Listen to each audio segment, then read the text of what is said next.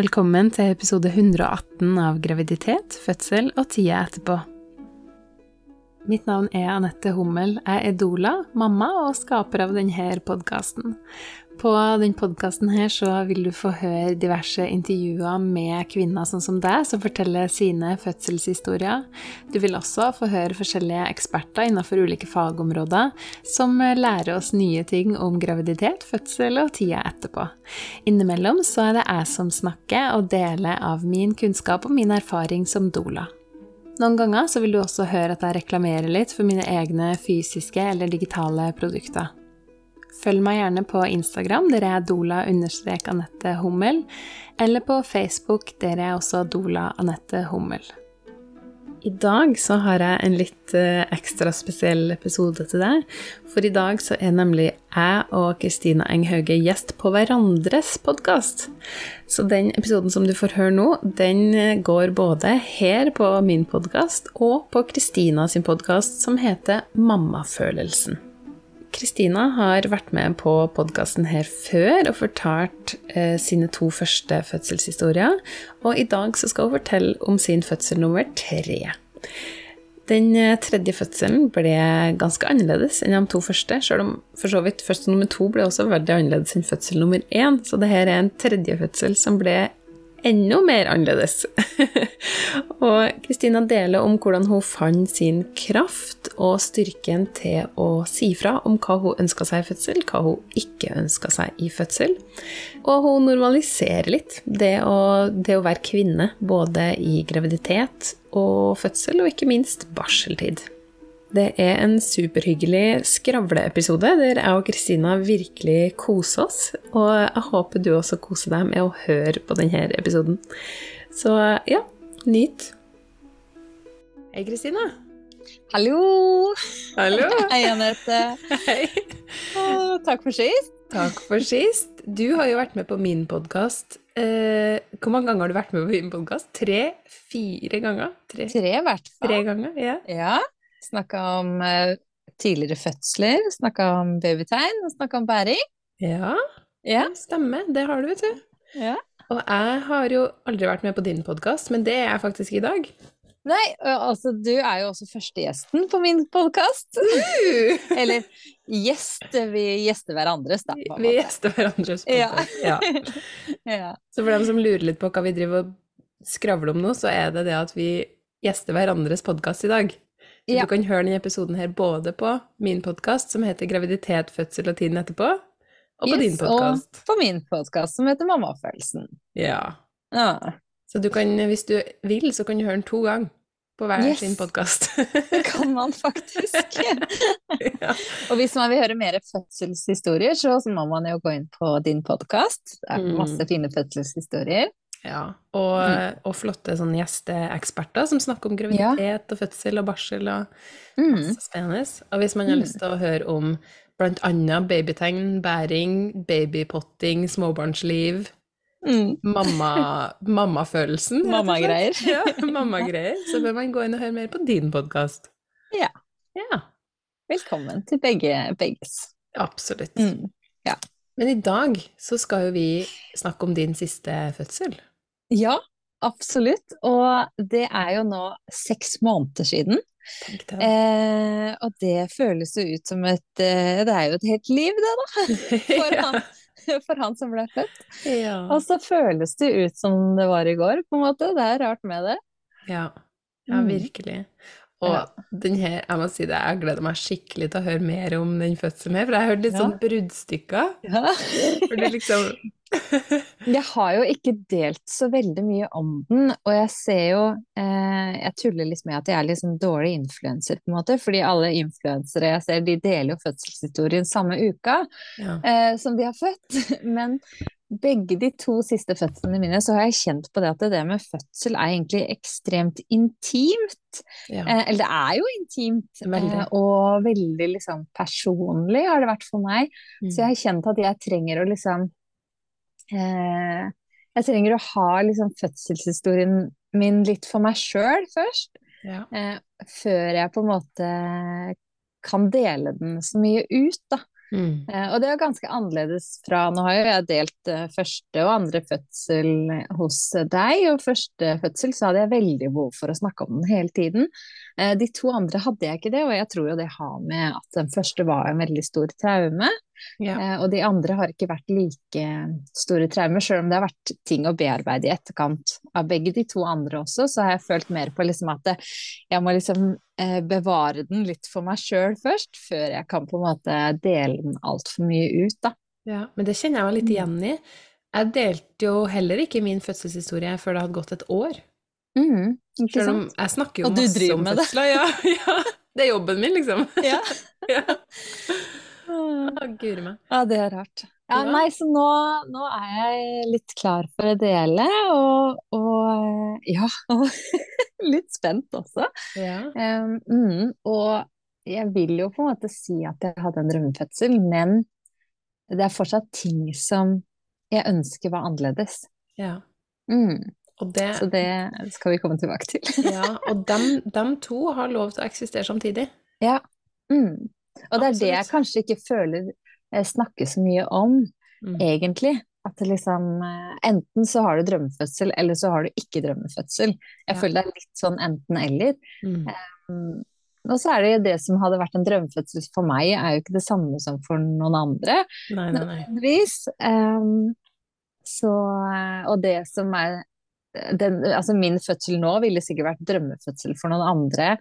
Og så syns jeg fortsatt at det er ting som skulle vært annerledes. Så ja. det, ja. Mm. Nei, så det, det, er liksom Det er mye greier med fødsel. Veldig. Det. Ja. Veldig, og så er det så mye følelser knytta til det òg. Ja. Sånn at det, ja. som, det som du Altså, jeg merker at det du gjør litt nå, er på en måte å unnskylde deg litt på forhånd ja. i tilfelle at noen føler at Ikke bli fornærma for at Ja, ikke sant. Mm. Det er mm. litt det jeg sier. Unnskyld meg at uh, kanskje noen syns at jeg burde bare være kjempefornøyd med min fødsel. Ja. Um, men så ønsker jeg at ting, noen ting var annerledes. Mens mm. for noen andre så høres det ut som bare ja, det, jeg hadde dødd for å fått den fødselen, liksom. Ja. Um, ja. Så, så, det er litt sånn uh, trigger warning, da. Jeg vet at du ikke driver med trigger warning, men, men, uh, men, ja, det er nok det jeg driver med. Liksom mm ja, bare sånn heads up, på en måte. At det, det kan jo trigge noen. At mm det som ser På papiret ser den fødselen her ut som en kjempedrøm, uh, liksom. Ja. Um, ja. Men uh, la oss uh, Ja, skal vi hoppe inn i det? ja, la oss hoppe inn i det. ja. Men kan du, kan du, bare sånn superkort si liksom et par setninger om de to første fødslene dine, for yes, dem som ikke har absolutt. hørt den historien? Ja, og det tenkte jeg jo fordi altså jeg har jo hatt tre fødsler, veldig forskjellige fødsler, og som alle tre starta på forskjellige måter. Ja. Eh, og det, det, var kanskje noe det var det jeg var mest spent på før denne fødselen også. For første fødsel starta med at vannet gikk. Mm. Da var det sånn, vi hørte sånn ja. Liksom. Vi hørte et knepp. Sånn pop. Mm. Ja, og mannen min også hørte det. Ja. vi lå i senga. Og så reiste jeg meg opp, og så var det ikke sånn foss, det var sånn drypp, liksom. Eller liksom ja. Det føltes som jeg tissa på meg, ikke sant. Ja. ja. Eh, så, og så gikk vannet inn på sykehuset ganske sånn kjapt. Jeg gikk på blodfortynnende, det var liksom mye greier. Jeg hadde hatt blodpropp i svangerskapet, så det hadde liksom vært mye drama. Og sjøl om jeg da var kjempefrisk, så blei jeg liksom beregna til at uh, jeg måtte føde på liksom føde B eller uh, føde to, eller liksom Ja, som den derre eh, når det var risikosvangerskap, ja. fordi jeg hadde hatt blodpropp i mm. lungen. Mm. Men det var ikke noe greie med babyen, egentlig. så jeg var egentlig litt sånn frustrert på det. Eh, og da endte jeg opp med mye overvåking, ikke sant. Og overvåking, det vet vi, det fører til mye inngrep. Um, så jeg hadde jo veldig dårlige rier. De tok liksom ikke tak i det hele tatt og hjalp meg ingenting når jeg måtte presse. Så hadde jeg pressa en mm. time, da er det prosedyrer som skal følges. Da kommer det leger inn, og de legene jeg har møtt før fordi at jeg hadde blodpropp? Så, og hatt mye oppfølging. Um, så da blei det jo vakuum eh, og eh, klipp og klipper revna. Eh, ikke sant? Mye greier. Um, så, så, det var liksom kjapt kjapt uh, fortalt. Kjempekjapt fortalt. Høres skikkelig hyggelig ut. Ti timer varte det. Nei, det var ikke noe hyggelig. Så, og så endte jeg jo da på at jeg måtte inn på operasjonssal etterpå og sy eh, masse eh, pga. de stingene. Og så endte det jo på en måte med en traume pga. den atskillelsen jeg hadde fra babyen min. Ja. Så det var liksom kort forklart. Veldig kort fortalt. Ja, men, jeg vil Eh, anbefale folk å, ja, men jeg vil anbefale folk å gå inn og høre eh, hele fødselshistorien din. Jeg husker ikke hvilket episodenummer det er nå, men det skal i hvert fall jeg skrive min episodetekst, sånn at folk Ja. kan finne det. Ja, gjør det. Ja, Kan hende jeg kan kopiere det. ja, ja sant. Ja. Nei, så det var liksom veldig grove trekk, da. Og fortsatt, sjøl om den Det er jo ting jeg husker med den som også var liksom morsomme eller fine. Jeg husker jo at jeg liksom eh, Når jeg er i liksom smerterus, så kommer det mye rare kommentarer, liksom. Og jeg har veldig sånn galgenhumor når jeg har vondt. Ja. Mm. Så, så jeg husker jo liksom noe Jeg husker noen positive ting med den fødselen også. Mm. Og det morsomme er at hun jordmora som tok imot eh, min eldste sønn da, for ni år siden, hun fulgte meg opp i svangerskapet fem år etterpå. Ja. en helt annen helsestasjon med Adam, eller med mellomste da, som nå er Mm. tre år. Og med han så starta jo da fødselen med rier som var sånn bam! Det var ja. bam, en rie, bam, fem minutter etterpå, ny rie. Så det var liksom, der rakk jeg ikke på en måte å summe meg i det hele tatt, for det var bare kjempekraftige rier fra første rie, og så var det liksom fem minutter, fem minutter, eh, og tre timer så var han ute, liksom. Det var liksom tre timer fra første riet til han var ute på sykehuset, så vi rakk vel, da tror jeg vi rakk å være på sykehuset i én time, Mm. eh, før han kom. Ja. Det også var en ganske eh, Føltes der og da som en veldig bra fødsel, Mm. men pga. riften og sånn, så ville hun jordmora at jeg skulle ligge på ryggen akkurat på siste delen, Mm. eh, sånn at hun kunne holde imot og, og liksom Holde imot så ikke han skulle revne. Og jeg ser jo at Ja. du får litt sånne, litt sånne rykninger i fjeset av det der. Fordi både du og jeg har, eller jeg har jo også da i samråd med deg, eller hørt, eh, fått tips av deg nå før tredje fødsel, om at det å liksom skulle holde imot eh, barnet ikke nødvendigvis er det beste for og mot eh, Altså det her har ikke jeg fagkunnskap på. Absolutt ikke. Det er forskning. Det er forskning, Det er på det, vet du. Ja. Det er forskning, og det kan du si noe om. Ja. Hvis Um, man, eh, hvis man har lyst til å høre litt om akkurat det, vite litt mer om akkurat det, så vil jeg anbefale en podkast som heter Evidence-Based Birth, mm, som har en episodeserie som handler om akkurat det med forebygging av rifte. mm, Um, og da er det annet det med hands on eller hands off som diskuteres, og da er det ganske tydelig i forskninga at hands off er det som forebygger flest rifter, som Mm. Ingen hender i skjedeområdet til kvinnen mm. eh, i pressefasen. Og det er jo veldig Jeg syns jo det var kjempeinteressant nå før tredje fødsel, da. For da følte jeg på en måte at ah, nå får jeg enda Jeg får en ny sjanse til å Mm. liksom få den drømmefødselen jeg vil ha. Eh, For den fødsel nummer to var jo egentlig en drømmefødsel på mange måter. Em, og jeg har jo ikke hatt noe særlig Førstefødsel hadde jeg lystgass, men jeg har jo ikke kunnet ha epidural pga. at jeg har gått på blodfortynnende. Um, så, så det har på en måte vært greit nok. Og andrefødsel var veldig bra, og vi hadde lært om hoftepress, ikke sant. Det gjorde så stor forskjell Ja. i min andre fødsel. Og så, når jeg da, før jeg nå skulle føde tredje gang, så gikk jeg jo på en måte veldig sånn Jeg tror det er sånn man, sånn gjør man. Man går veldig sånn inn i seg sjøl, man reflekterer mye over forrige fødsel, eller de to forrige fødslene. Forrige fødsel var, kunne vært annerledes. Eh, og jeg kjente mye på det derre eh, liksom hands on, det der at hun liksom måtte på en måte Eller sånn Mm. Jeg kjente at jeg, jeg ville ikke bli tatt på sånn. Mm. Um, uh, og jeg kjente mye på det, og liksom følte mye på det, og det var derfor jeg liksom før, eh, Eh, men jeg, jeg, jeg, må spole litt tilbake. For andre fødsel det gikk jo veldig bra. Og hun, hun pressa imot og ikke sant, hands on, kjempeflotte greier. ikke sant? Det er det man gjør i norske sykehus. Og jeg hadde jo bare rift én eh, eller to, og da hadde jeg jo grad 3B første ja. fødsel. Men det var jo på grunn av klippet også, ikke sant. Ja. Ja, og av vakuumet. Så andre fødsel da, så fikk jeg jo Eh, og jeg må jo også kjapt si at det var en lege på Ullevål som eh, ville at jeg skulle vurderes til keisersnitt pga.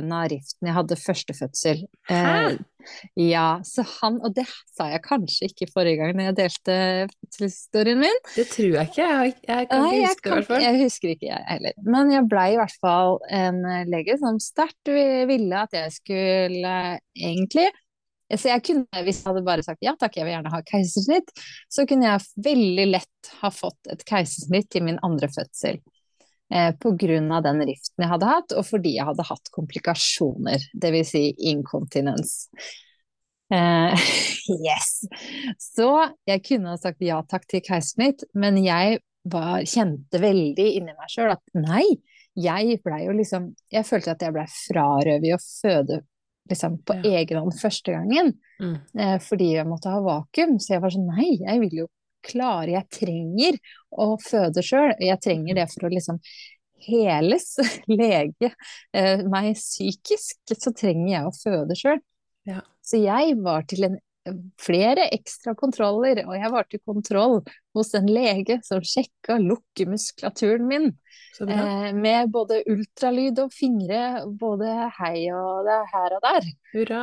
Eh, hurra. Det var eh, det pinligste øyeblikket i mitt liv, men mm. det var jo verdt det. For jeg har jo født to helt fine vaginalfødsler etterpå. Ja. ja. Så eh, Og det er ikke noe galt med keisersnitt hvis du vil ha keisersnitt, men jeg ville ikke ha det. Og jeg hadde jo ikke trengt det heller, ikke sant. Mm. Så det sier jo litt da om um, Ja, sier litt, tenker jeg. jeg skal ikke si at, Men det er også det der med at, hvor viktig det er å få en second opinion, da. Ja. Fordi Du kunne jo ja. bare ha gått til han legen, og så hadde han sagt til deg mm. at du vet hva, jeg anbefaler sterkt at du tar keisersnitt mm. pga. sånn og sånn. Mm. Og hvis du ikke hadde på en måte tenkt noe mer på det, da, og bare tenkt mm. at å ja, ok, ja, så jeg må ha mm. keisersnitt, ja ja, greit. Ja. Og så hadde det blitt Og det var så vidt jeg fikk time hos hun legen som skulle sjekke meg. Og hva hadde skjedd hvis jeg ikke hadde fått time hos henne og gått til henne og fått godkjent Altså jeg har eh, litt drøyt tulla med at jeg fikk godkjent rumpehullet mitt for ja. eh, vaginalfødsel. Men det var jo faktisk det som skjedde. Det var jo faktisk litt det som skjedde, ja. Og det er ikke det man kanskje burde si i en podkast, men Jo, det syns jeg. Hallo. det føltes ganske drøyt. Det føltes ja. som en skikkelig sånn eh, hva, hva skal man kalle det? Det, det, det, var et uh, nedverdigende øyeblikk, for å si det sånn. Det skjønner jeg kjempegodt. Mm, ja. Det så det, det, har vært mye, liksom eh, Og det har vært mye greier. Og før eh, andre fødsel så hadde vi også vært gjennom flere spontanaborter. Vi hadde vært gjennom to eh, mislykka IVF-forsøk. Ingen av barna våre er eh, IVF-barn, holdt jeg på å si. Det er ikke noe galt med det heller, men, men eh, jeg har ikke for å bli gravid med IVF.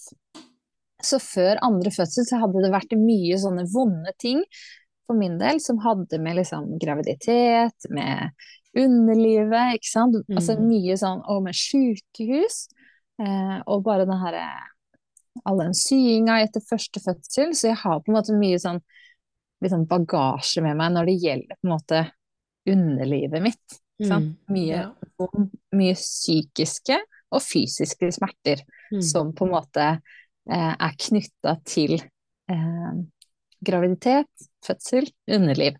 Ja. Um, så eh, ja, så andre fødsel var kjempefint på mange måter, men jeg kjente i etterkant på at den derre hands on eh, at den skulle jeg gjerne ha vært foruten. Og jeg lærte jo også at det å ligge på ryggen, det er ikke nødvendigvis det beste for å unngå rifter. Um, men det er, jo det, beste, det er jo det beste for jordmor og leger for å kontrollere og se, ikke sant. Mm. Men det er ikke det, det er ikke det, beste. Så når jeg nå, da, skulle få en ny sjanse eh, til å føde igjen, så gikk jeg jo veldig inn i det her. Eh, og jeg skrev jo mye med deg og fikk tips om denne podkasten. Binsja mye av den podkasten Evidence-Based Birth. Mm. Um, og fikk jo hakaslepp på mye av de greiene som de snakker om ikke er anbefalt. Ja. Eh, hvor jeg da har eh, fått utført mye av det som ikke er anbefalt, på meg. Ja. Eh, så gikk jeg veldig inn i det her. Og før da eh, Ja, jeg har jo født på Ahus, og så har jeg født på Ullevål. Og denne gangen så flytta vi til Sarpsborg, så da skal jeg føde på Kalnes. Så nå har jeg født på tre forskjellige sykehus. Ja. Eh, i Norge, på Østlandet. Så jeg føler meg ganske sånn bevandra i hva Føde-Norge har å tilby. Det, det kan virke sånn. ja. Jeg veit ikke hvor mange andre som føder på tre forskjellige sykehus. tre forskjellige fødsler, men eh, ja. Så da kommer jeg jo til et nytt sykehus eh, og skal snakke med de. Og eh, ja, igjen får jeg da anbefalt å ligge på rygg, sånn at de kan kontrollere, fordi jeg har hatt en rift i min første fødsel. Sjøl om du har hatt en Sjøl om jeg har hatt en originalfødsel med grad én eller to. Jeg husker ikke, ikke sant. Jeg tror det var grad én. Det var ett pyntesting, liksom. Mm. Eh, så, og det henger liksom igjen da, fra første fødsel. Um, men jeg, altså, var jeg sånn Ja, men jeg har jo hatt en vaginalfødsel uten noe ja. ekstra greier. Mm. Nei, det er det vi anbefaler, da. Så var jeg sånn Ja, men dette er ikke forskningsbasert. Sa du det? Jeg gjorde ikke det, men jeg hadde um, Man kan få både på Ullevål var jeg til sånn Gaia-jordmorsamtale i forkant av mm. fødsel. Det vil jeg bare liksom anbefale at man, hvis man har hatt litt sånn trøblete fødsel, så kan man be om Man kan få henvisning av jordmora si lokalt til å få en samtale hos jordmor på sykehuset. Mm. Så det gjorde jeg da med min andre fødsel, og snakka med en sånn Gaia-jordmor, heter det på Ullevål eller het, jeg vet ikke hva det gjør nå. Og så på, fikk jeg det samme på Kalnes, der heter det Morgenrøden. Oi. Jeg føler jeg må si det med litt sånn gammeldags stemme, for jeg syns det er litt sånn rart ord. ja. Morgenrøden heter det der, i hvert fall. Mm. Så der fikk jeg komme og snakke med en eh, kjempefin jordmor, og liksom mine tanker og opplevelser og sånn. Eh, og sa det at jeg denne gangen så skal jeg ikke ligge på rygg. Koste mm. hva det koste vil. Har ikke tenkt å ligge på rygg. Um, og jeg har heller ikke lyst til å bli tatt så mye på. um, bare sånn, ja, nei, men uh, det skjønner jeg jo. Og, eller nei, jeg, var, jeg, skal føde i vann. Det var det som var liksom min sånn. Jeg vil yeah. føde i vann. Mm. Um, ja, nei, vi anbefaler jo ikke det, da. Nei. Eh, på grunn av riften og litt sånn. Det er så fint at det sies vi anbefaler ikke det, når de egentlig mener du får ikke lov til det. Ja, det er ja. det. Eh, det er jo det, det vi sa. Ja, men jeg vil. Sånn, ok, men da altså, sånn, Ja, men jeg veit om risikoene. Jeg veit om risikoene som dere sier fins, men ja. Um, så, og hun skrev jo Det som er fint når du, når du er hos en Gaia-jordmor eller Morgenrøden, så lager de på en måte et notat eller eh, på journalen din. da, Så når du mm. kommer til fødsel, så dukker den på en måte opp med en gang um, når de liksom registrerer deg eller sånn. Så da uh, Selv om jeg har skrevet fødebrev også, så har hun på en måte notert hva vi har snakka om. Um, så yes. Så det var jo i forkant av fødsel. Men Hva sto det i det notatet, da? Vet, du noe om det? Hva, hva hva jeg veit ikke, ikke nøyaktig hva hun skrev. Um, det veit jeg ikke. Men jeg veit jo da at hun på en måte har skrevet noe om mine tidligere opplevelser. Mm. Eh, tidligere traumer. Jeg var veldig på det at eh, barnet skal ikke tas ut av eh, rommet. fordi det, der ligger det en veldig sånn traume hos meg mm. fra første fødsel. Og andre fødsel så hadde jeg også skrevet det, men allikevel så skjedde det at det var en barnepleier som var sånn Å ja, denne vekta funker ikke, vi skal bare ta den med ut på gangen. Pappa, kan du bli med? Jeg skal bare ta den med ut til et annet rom og veie han der. Mm. Og så lå jeg der aleine bare Dette her oh, Ikke sant? Og så var jeg sånn Ok, dette går bra, dette går bra, mm. eh, dette går bra. Pappa er med han, ikke sant? Og så lå jeg mm. plutselig der aleine rett etter å ha født, og så bare sånn Det går ikke egentlig bra. Nei. um, ja. Så, så, det var jeg liksom veldig nøye på, at det, det skal ikke skje. Med mindre det er selvfølgelig, ikke sant. Både du og jeg er jo fornuftige mennesker. Hadde barnet mitt vært i livsfare, så hadde jeg jo latt legene ta han med ut av rommet for å redde livet hans. Så klart. Men det er jo ikke så ofte eh, det er tilfellet. Nei, og det, og det å skulle veie, så måtte jeg ut på gangen for å ta en å bruke en annen vekt, det er ikke en sånn situasjon. Nei, og i hvert fall ikke når jeg har skrevet det i fødebrevet mitt. Men så skjønner jeg jo at det, det, er vel kanskje ikke noe system da for at barnepleierne leser fødebrev. Det er ikke sikkert. Ikke sant? Så der tenkte jeg at det her er jo en svakhet eh, med hele opplegget. Mm. For hva er vitsen med at jeg skriver i fødebrevet at jeg har en traume på at barnet tas vekk fra meg og ut av rommet, eh, hvis ikke de som er involvert i fødselen og den tiden rett etter fødsel får med seg det. Nei, da, det ja. Og da var jo ikke jordmora der lenger heller, så hun hadde jo ikke fått med seg det. Nei, sant. Nei da. Nei, men um, Så det hadde jeg jo uh, skrevet, eller snakka med hun uh, på mm. morgenrøden eh, om, så det veit jeg i hvert fall var med der. Og så hadde hun vel sikkert notert at jeg hadde lyst til å føde i vann. Mm. Um, men jeg veit ikke hva, hva, for noe mer hun hadde skrevet om det. Um, jeg hadde jo også yt, ytra veldig at jeg ikke ville ligge på ryggen, og at jeg ikke ville bli tatt så mye på og sånn. Mm. Uh, og så sa jeg sa jo det at jeg vil egentlig så ville jeg bare føde hjemme. ja. ja. Det snakka vi, vi litt om, at du egentlig hadde ja. hjemmefødsel. Ja. ja. Og jeg prøvde jo Jeg prøvde jo å få kontakt med noen som driver med hjemmefødsler i Østfold. Men problemet er jo at jeg har gått på blodfortynnende eh, i svangerskap pga. blodproppen som jeg hadde første svangerskap. Um, og da er det jo en risiko for blødning og litt sånn, og jeg skjønner jo at ikke jordmødre vil ta den risikoen. For hvis det hadde skjedd noe, så kunne de jo ha mista lisensen eller ja. autorisasjon. Ja. Mm. Eh, så det skjønner jeg jo. Eh, det er bare kjipt for meg. og så bor jeg fem minutter unna sykehuset, så ja. Men, men. Sånn er det. Ja, dessverre. Eh, dessverre. Men i hvert fall, da. Så denne fødselen, det jeg egentlig begynte å si, var jo at eh, alle tre fødslene starta forskjellig. Ja, det var vi, ja. det var der vi egentlig var. ja. Jeg blir så ivrig! Det er så ja, det er bra. mye. Ah, det, det, er bra at du, at du, liksom holder tråden tilbake, for jeg hadde helt glemt at det var der vi starta. ja. ja. for vi måtte jo ta en liten recap av de andre fødslene. Det var jo det vi måtte gjøre, ikke sant. Det var jo det vi holdt på med.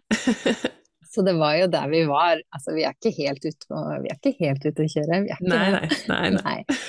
Første fødsel starta med vannavgang. Andre fødsel starta med eh, altså hva kaller man det, ikke stormrier heller, men altså med kjempekraftige rier. Ja, rett inn i liksom, aktiv fødsel, egentlig. Rett inn i aktiv fødsel. Jeg hadde jo gått og murra litt, men det var liksom veldig sånn. Nå er fødselen i gang. Det var sånn maraton, rett og mm. slett, på tre timer.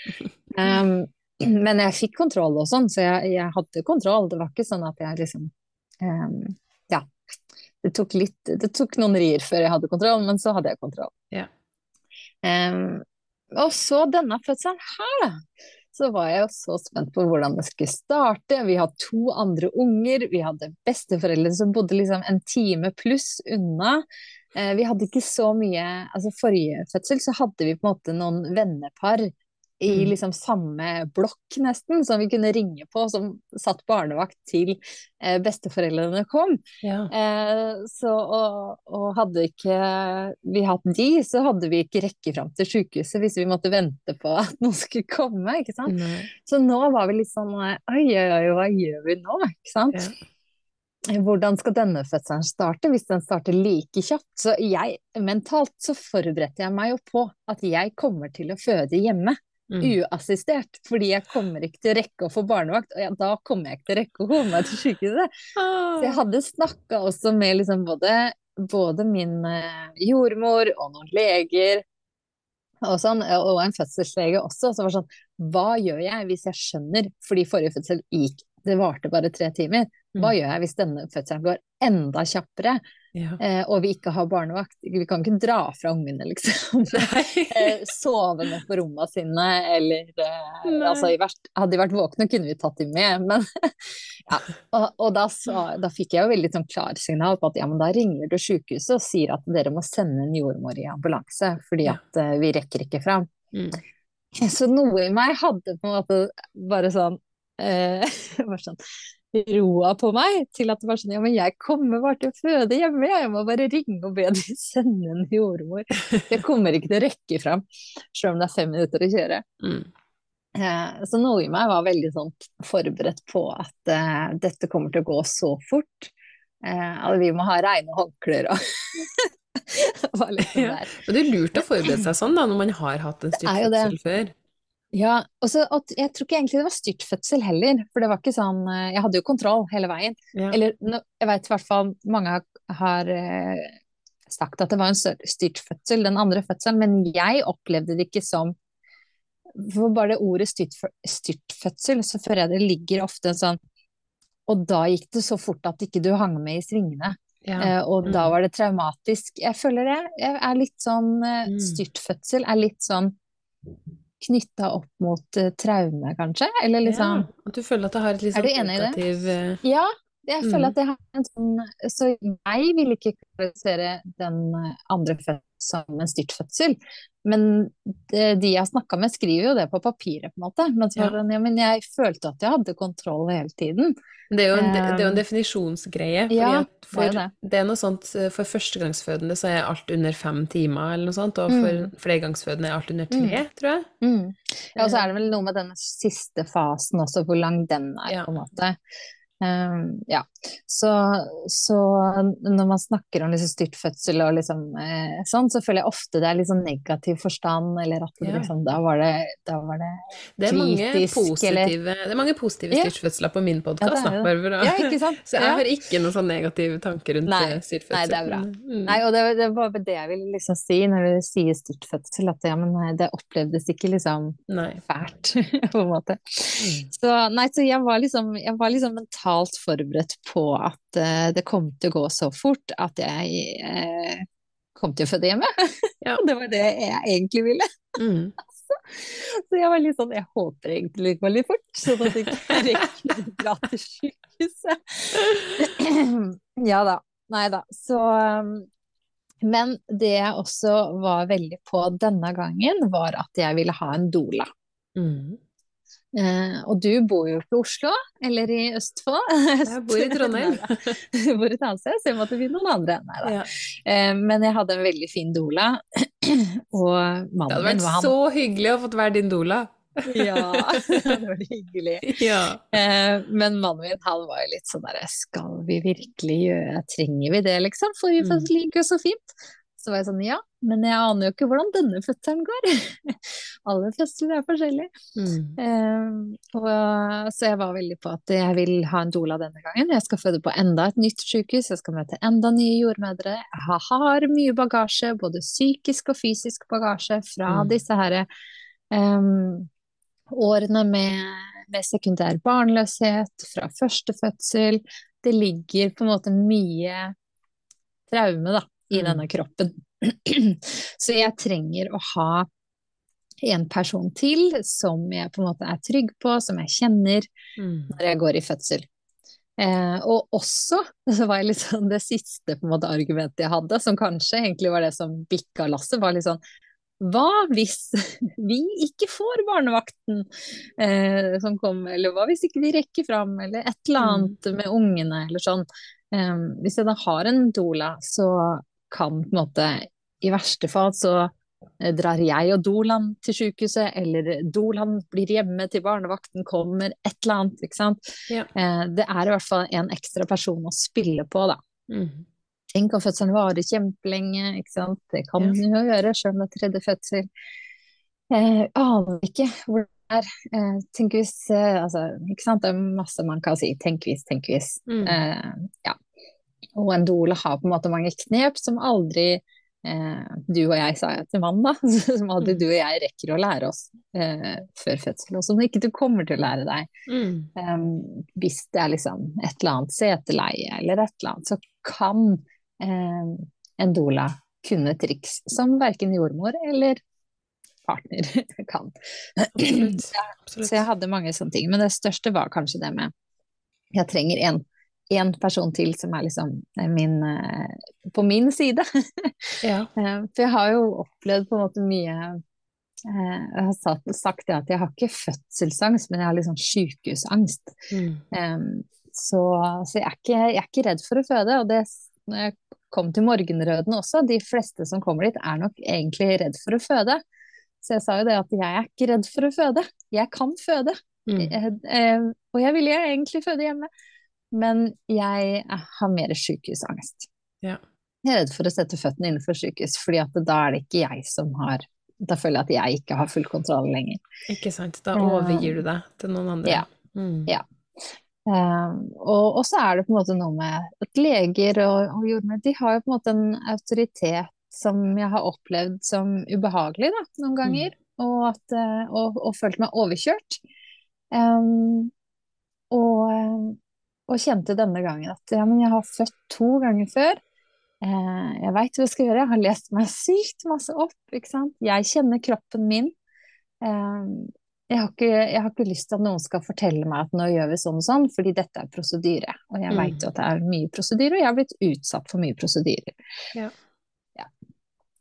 Så, eh, så derfor eh, hadde vi også en doula, og så slang vi med oss Eva Rose som fødselsfotograf i tillegg. Ikke sant. Og så hadde du Ragnhild Ja. Torjesen som doula. Jeg hadde Ragnhild, yes, absolutt. Ja. Jeg hadde Ragnhild som doula. mm. Så jeg hadde liksom skaffa meg et lite fødeteam.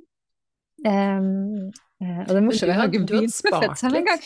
Du hadde spart litt, ikke sant? jeg hadde begynt å, jeg begynte å spare jeg begynte å spare når jeg ble gravid, fordi at uh, bare det var jo uh, også et eh, lykketreff, holdt jeg på å si. ja. At jeg ble gravid denne gangen. Jeg hadde jo ikke forventa at jeg skulle bli gravid en gang til. Nei. Så, så bare det var et lite sjokk.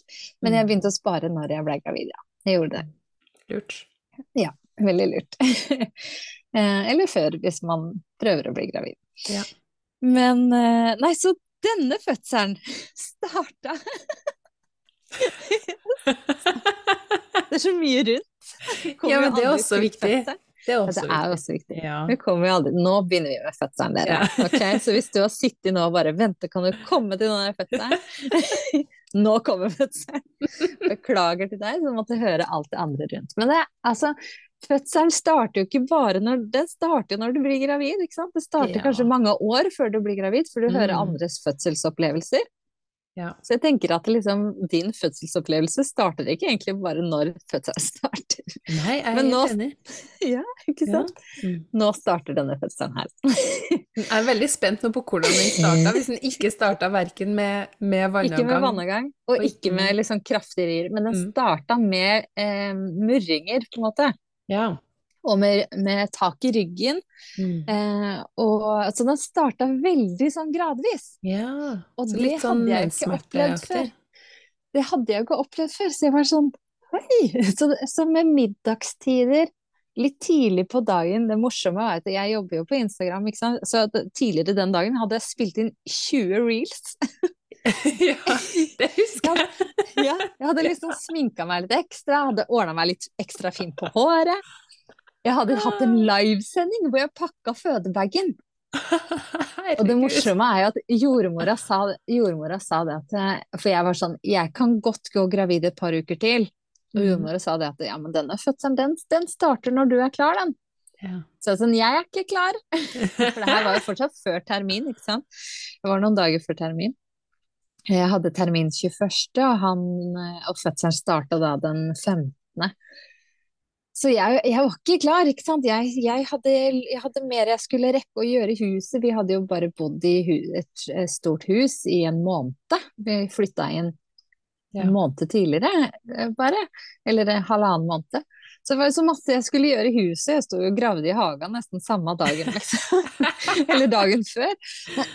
Så, så jeg hadde ikke tid til å pakke fødebanger. Jeg hadde, hadde ikke tid til å få en nyfødt baby helt ennå, for det var så mye som Det var så mye pappesker og Men jordmora sa det at ja, den kommer når når du blir klar, da kommer den. Så jeg pakka fødebagen live på Instagram, og så gikk jeg rett til fødsel etterpå.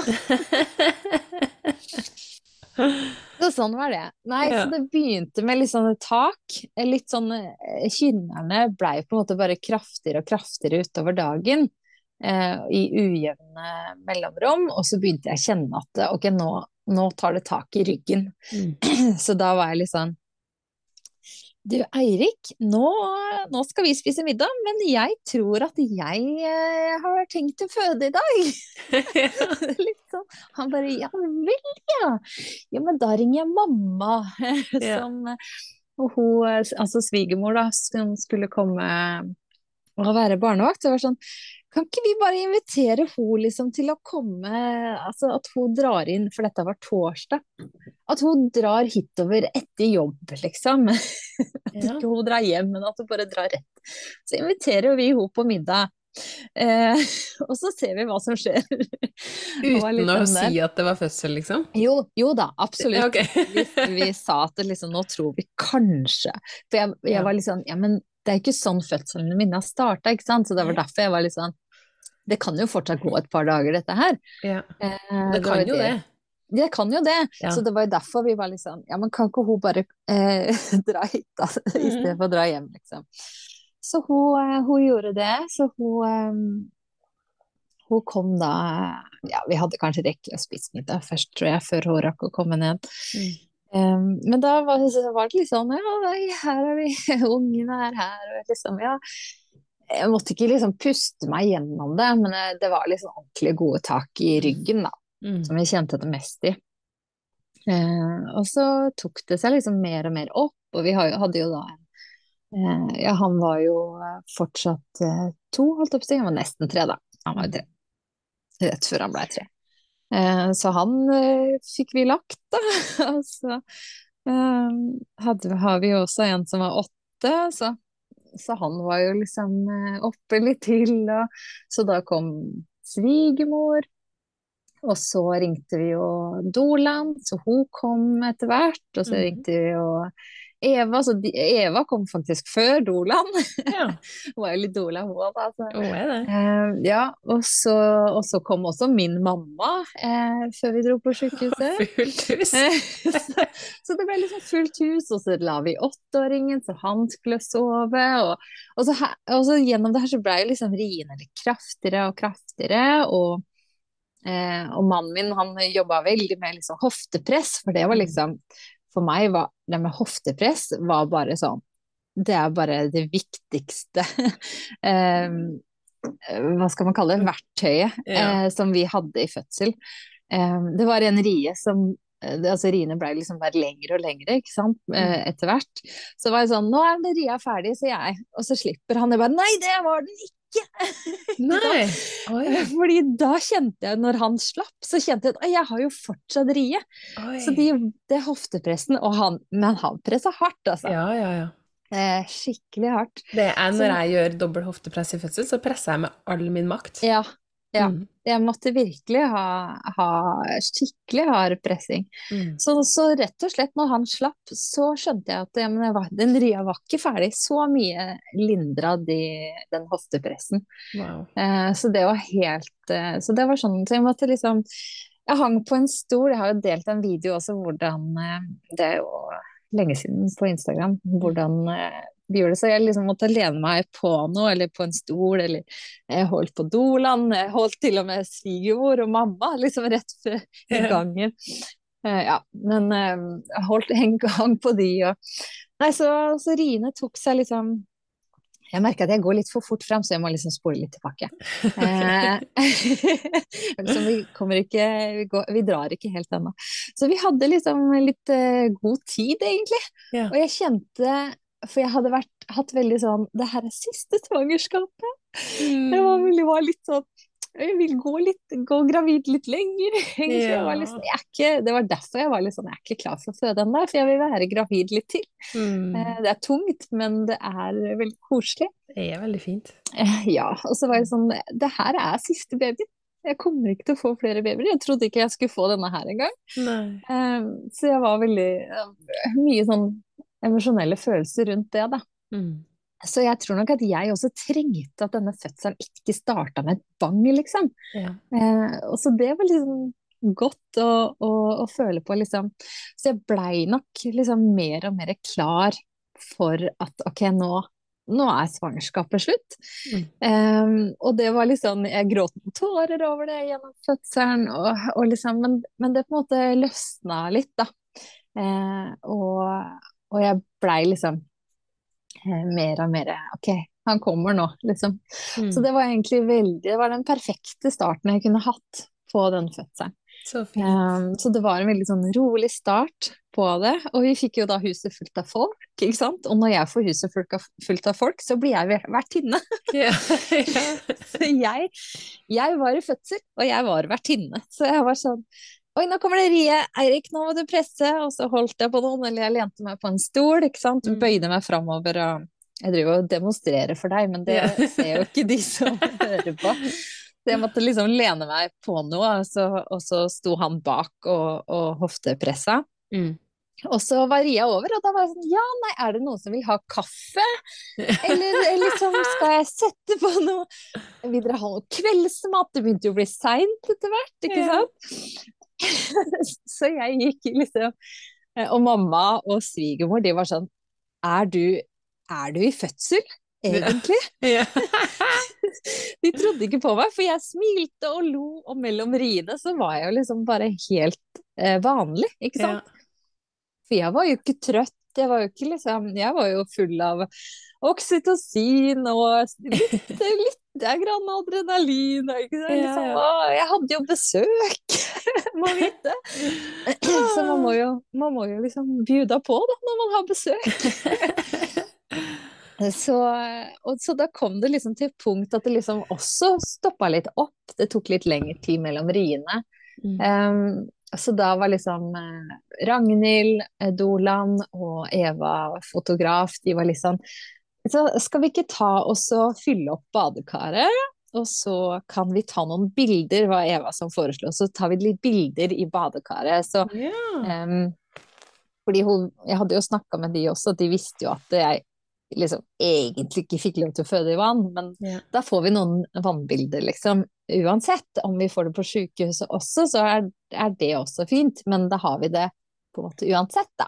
Ja, så fint. Og, og så veit vi jo at det bad er jo liksom lindrende, og, og, det er jo også sånn avslappende, oksytocinboost, ikke sant, med liksom tente lys og mm. Så da også, også liksom eh, det er jo ikke noe galt med at eh, det gikk jo fint at svigermor og mamma også var der, men, men ja, det, da skulle ikke jeg være vertinne mer, Nei. på en måte. Mm -hmm. Og jeg er ikke vertinne alltid når de er på besøk, da, men jeg blei litt Jeg følte jo litt sånn at jeg måtte um, så, da, så da gikk jeg, og så og det gikk vi også fylte opp badekaret, og jeg la meg litt der. Og eh, Dolan gikk og liksom eh, la seg litt og, og sov litt grann på sovesofaen som vi hadde. Og, og, Eirik måtte løpe litt til de andre ungene som skulle sove. sånn. Eller våkne lite grann. Um, og det morsomme er jo at jeg har jo bilde av um, begge de to eldste ungene og meg eh, på en måte i fødsel. Eller altså ikke at jeg er sånn fødsel, men eh, fordi de han eldste var jo litt våken når fotografen kom. Ja. Eller han kom ned og var hva er det som skjer, liksom? Hvorfor er det så mye folk her? så han var litt våken, og så våkna han yngste, og han ville ned til mamma og ha en klem, så han kom inn og jeg var på badet og lå i badekaret eh, sammen med pappa, så jeg har liksom bilde av at uh, jeg sitter i badekaret og er i fødsel mens jeg klemmer uh, mannen min og han uh, treåringen. Så det er liksom så fint, så fint å ha det. Ja, det er kjempefint. Ja. Og så har jeg bilde av meg og han eldste også, hvor han holder rundt meg, eller ja, et eller annet mm. sånt. Da. Så det er liksom det er liksom rørende. Og ja, vi har liksom fått dokumentert da, så mye av liksom den kvelden. og det var jo veldig spesiell eh, mm. kveld og, og, veldig spesiell stemning. Og liksom to bestemødre som er der, og ja. jeg i fødsel altså, så, Det er jo sånn det skal være! Ja. Det er jo sånn vi skal føde. Vi skal ha liksom de nærmeste kvinnene og partnerne våre rundt oss. Ja, og barna. Ja. Og barna. Mm. Ja, så jeg har vært sånn jeg har ikke lyst til å dra på sykehuset. Nei, det skjønner jeg. Ja. Så, så, jeg var i badekaret en stund og hadde noen rier der. De blir jo veldig lindra også i vannet, da, og Eva ja. tok litt bilder og sånn. Og så var liksom planen at hun også skulle gå og legge seg og slappe av litt. Og så var mm. planen at jeg og mannen også skulle gå og liksom prøve å hvile litt og sove litt. Ja. Så så Eva hun har jo en sånn eh, bil, holdt jeg på å si, sånn mm. van, som hun, eh, birth-mobil, er det ikke det hun kaller den? Jo. Som hun eh, sover i også. Så hun gikk mm. ut i bilen og, og, tror jeg akkurat hadde liksom Og jeg blei litt i badekaret litt til. Um, og så skal jeg reise meg opp på badekaret, og da er jeg aleine på badet.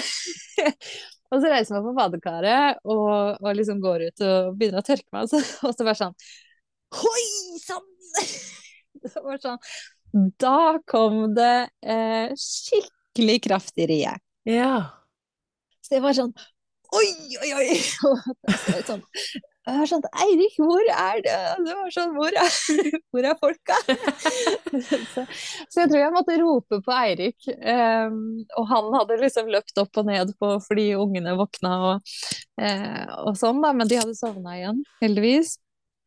Så han kommer inn, og så var jeg sånn Oi, nå var det veldig kraftig rie her. Og han var sånn OK. Så vi sånn OK, vi ser, vi ser litt hva som skjer. Uh, for vi skulle jo Det kunne jo hende det her tok lang tid. Det var jo det som var på en ja. måte tanken til alle, da. Og det mm. så jo ut som at det, det liksom dabba litt av, og eh, at det Ja, det, det kunne jo gå over natta, liksom. Og, mm. og, altså, og, jeg og Eva har jo vært med på 200 fødsler, og jeg vet ikke hvor mange Ragnhild har vært med på. ikke sant? Så de Også har jo veldig mange. Ja. Veldig mange ja. gjennom alle de åra hun har jobba. Ja. Så jeg var sånn ja ja, nei, dette kommer til å ta mange timer, ikke sant. Eh, men eh, da fikk jeg en veldig kraftig rie, og så var jeg sånn ok, få på seg klær. Eh, jeg hadde på meg eh, liksom bare en sånn lett, kort sommerkjole. Eller ikke sommerkjole, ja, sommerkjole. Og strømpebukse, tror jeg. Eller tights. Gravid-tights. Og så hadde jeg en sånn kimono. Så fikk på meg det, liksom. Og så Det her var jo i september, så det var sånn høst, tidlig høst. Mm.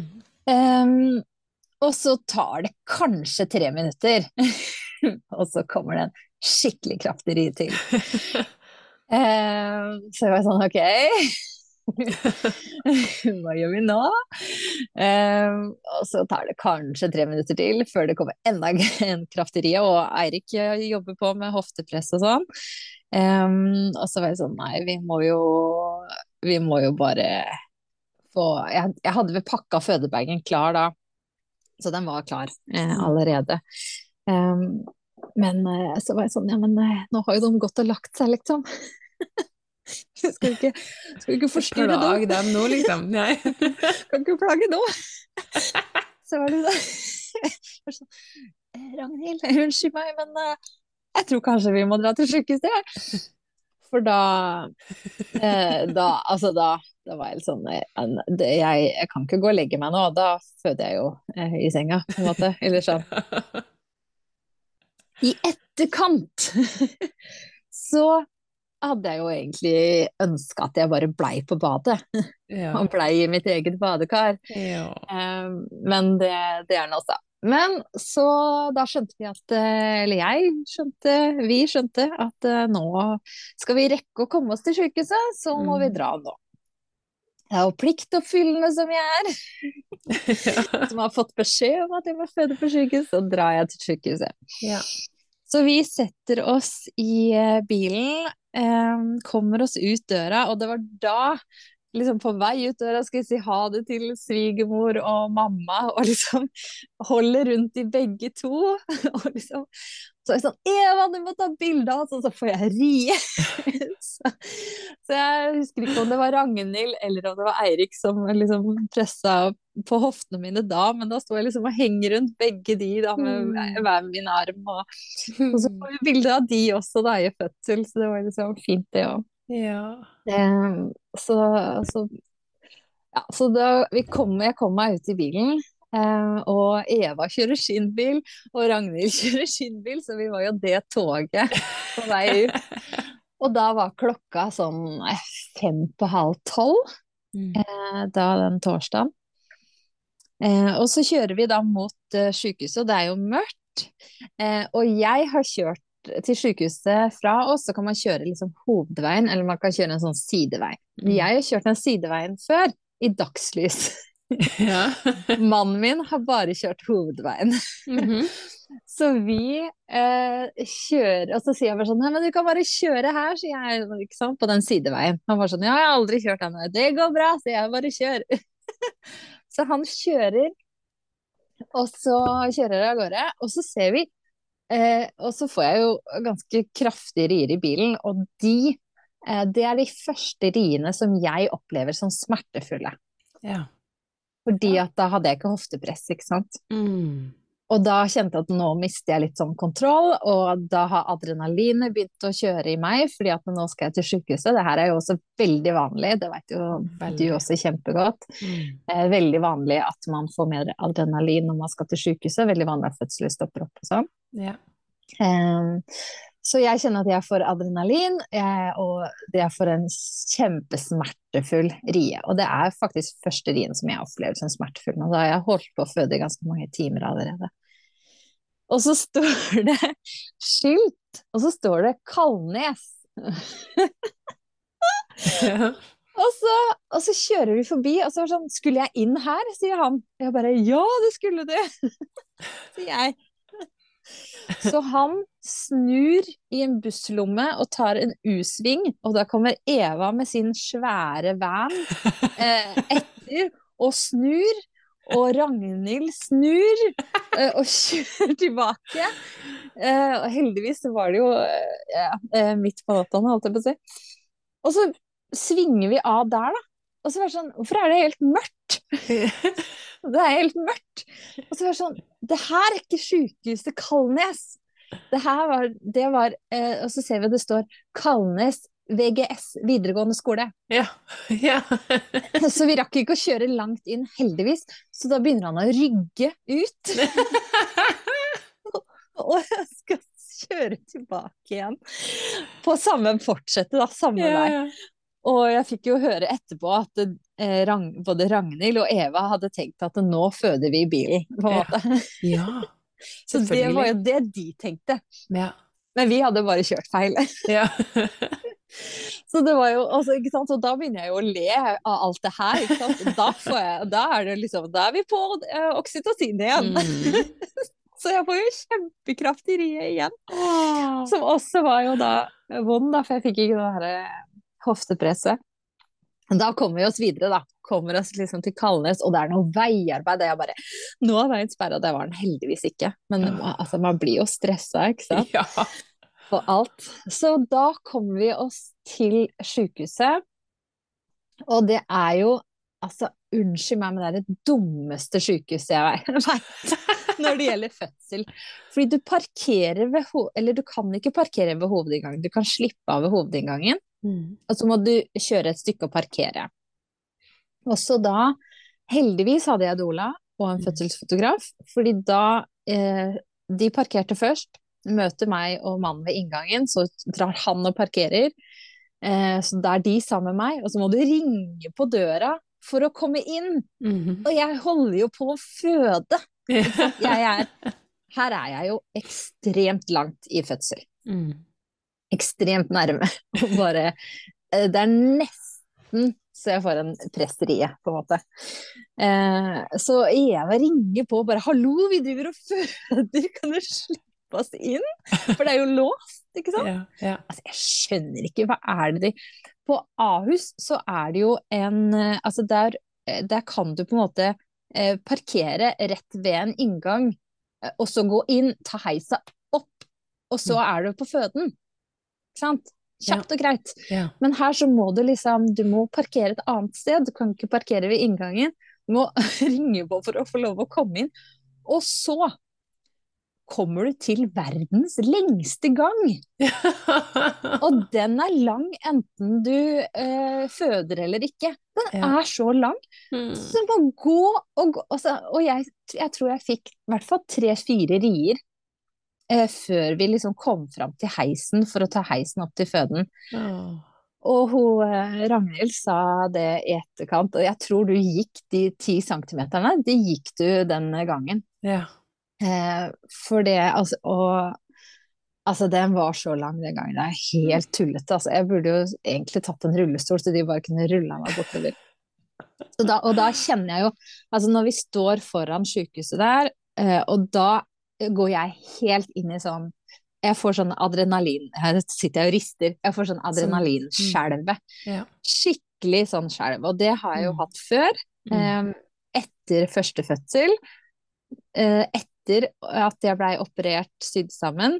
eh, Når jeg at hvor Eller når jeg ikke skjønner hvor barnet mitt er. Mm. Da hadde jeg også den derre adrenalinskjelven, eller nesten som på kanten. Jeg tror egentlig det er litt sånn angstanfall. Egentlig, jeg veit ikke helt, men jeg tror egentlig det er det. Så jeg kjenner at jeg, jeg blir helt sånn skjelven. Får helt sånn adrenalinskjelv. Og det handler jo om sykehuset, rett og slett. Mm. Det handler ikke om fødsel, liksom. Eh, så heldigvis så får jeg liksom hjelp til å få kontroll, da. Og få Mm. på pusten på plass igjen. For jeg har jo øvd, ikke sant. Jeg har den her pusten kjempekontroll på, egentlig.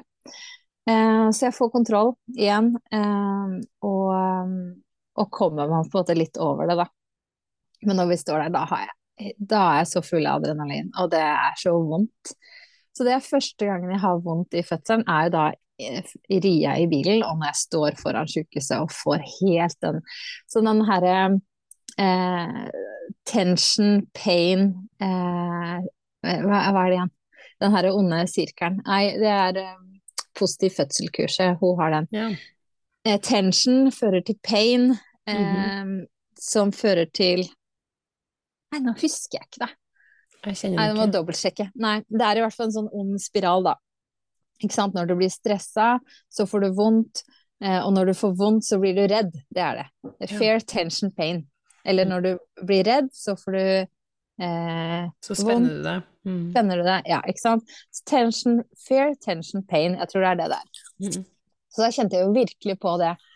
Jeg blir redd, jeg får vondt, eh, jeg blir stressa, ikke sant, den her. Eh, så, men jeg kommer meg ut av den. Jeg, får, jeg har jo Dola, ikke sant. Hun, eh, vi begynner å gå innover i gangen.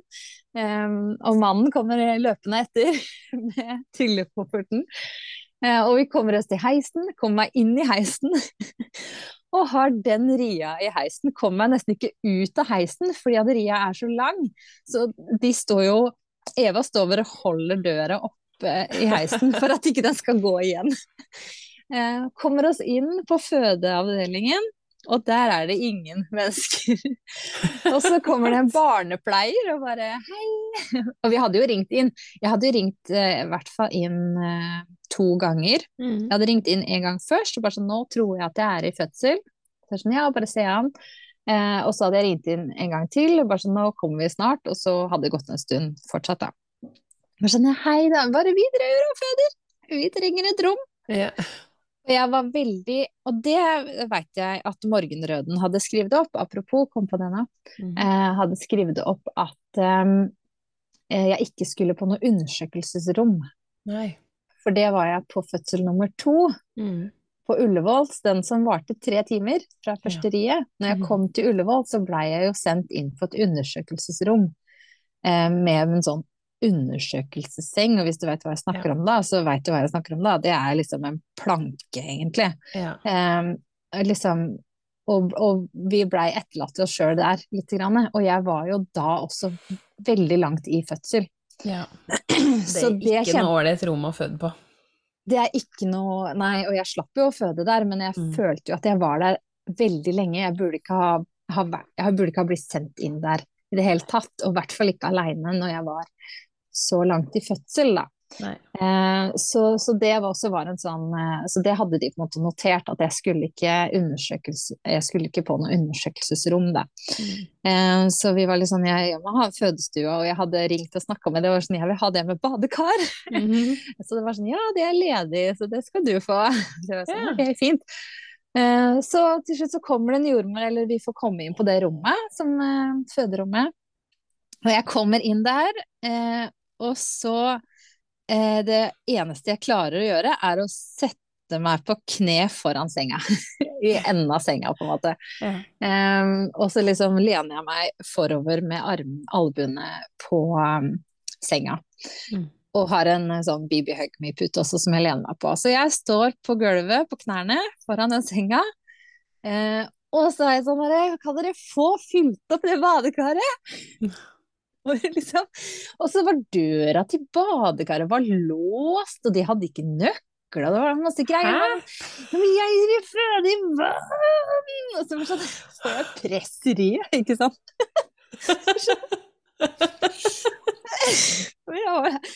Hva kan man si? Jeg er litt trassig av meg. Jeg er kvart nordlending, og den kvarten den ganske, lever ganske sterkt i meg. Jeg har mye, mye trass i meg, det har jeg alltid hatt, så til mine foreldres glede. Så, så, jeg roper om å få fylt opp det badekaret, de får jo søren ikke opp den døra.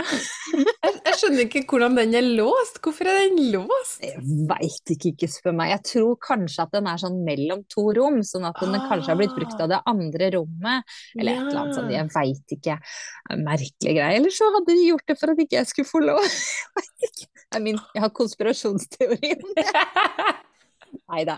Men, eh, men, jeg hyler i hvert fall om jeg skal få, kan, kan få søren meg få fylt opp det der badekaret, for jeg skal jo føde i vann mm -hmm. eh, idet jeg får en presserie.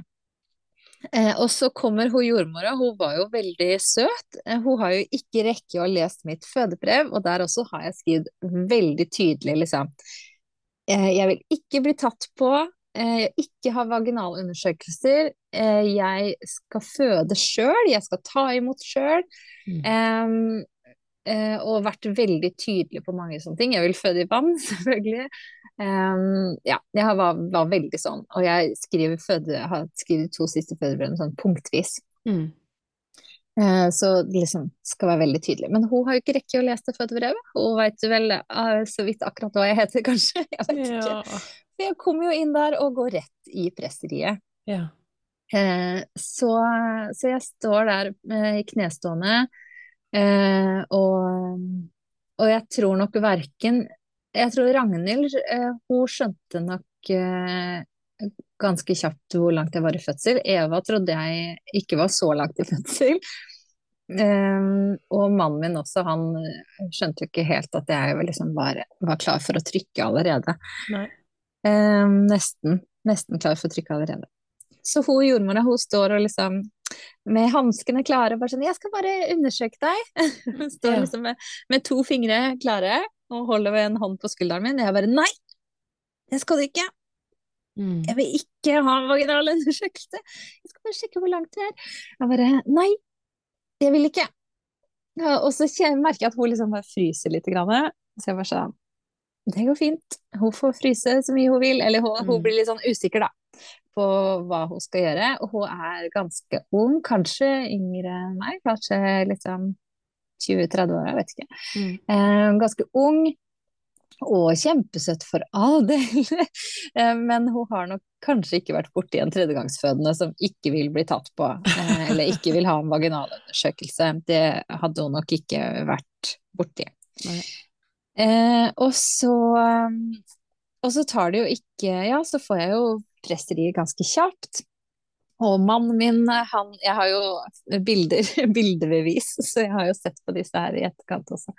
Og mannen min han er på siden av meg og liksom uh, holder på meg, og hun um, Dolan, hun jeg, tror jeg, hun jeg, tror hun ligger sånn halvveis over senga og er liksom oppe ved hodet mitt og har liksom hånd på skulderen min og liksom holder meg noe på hodet, eller liksom støtter meg der.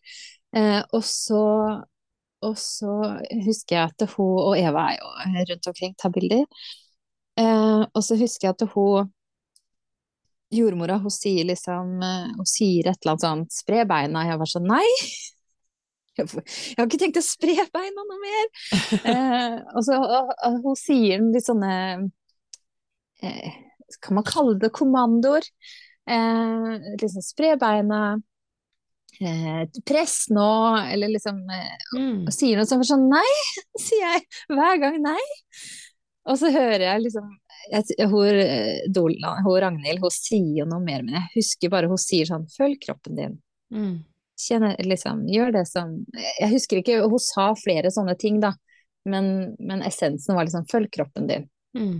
Jeg var sånn ok, ja, takk. takk for det. Jeg følger For kroppen min sa ikke at jeg skulle eh, spre beina. Kroppen min sa ikke press når jordmora sa press, ikke sant. Eh, og det her visste jeg jo, kjente jeg jo da på som tredjegangsfødende. At det ikke var Ja. Um, så, så, det første som, eller det som skjer da, er jo at uh, han kommer ut med um, fostersjekken på. Eller han kommer ikke helt ut først, men jeg kjenner jo da en slags vannballong ja. som kommer ut. Ja.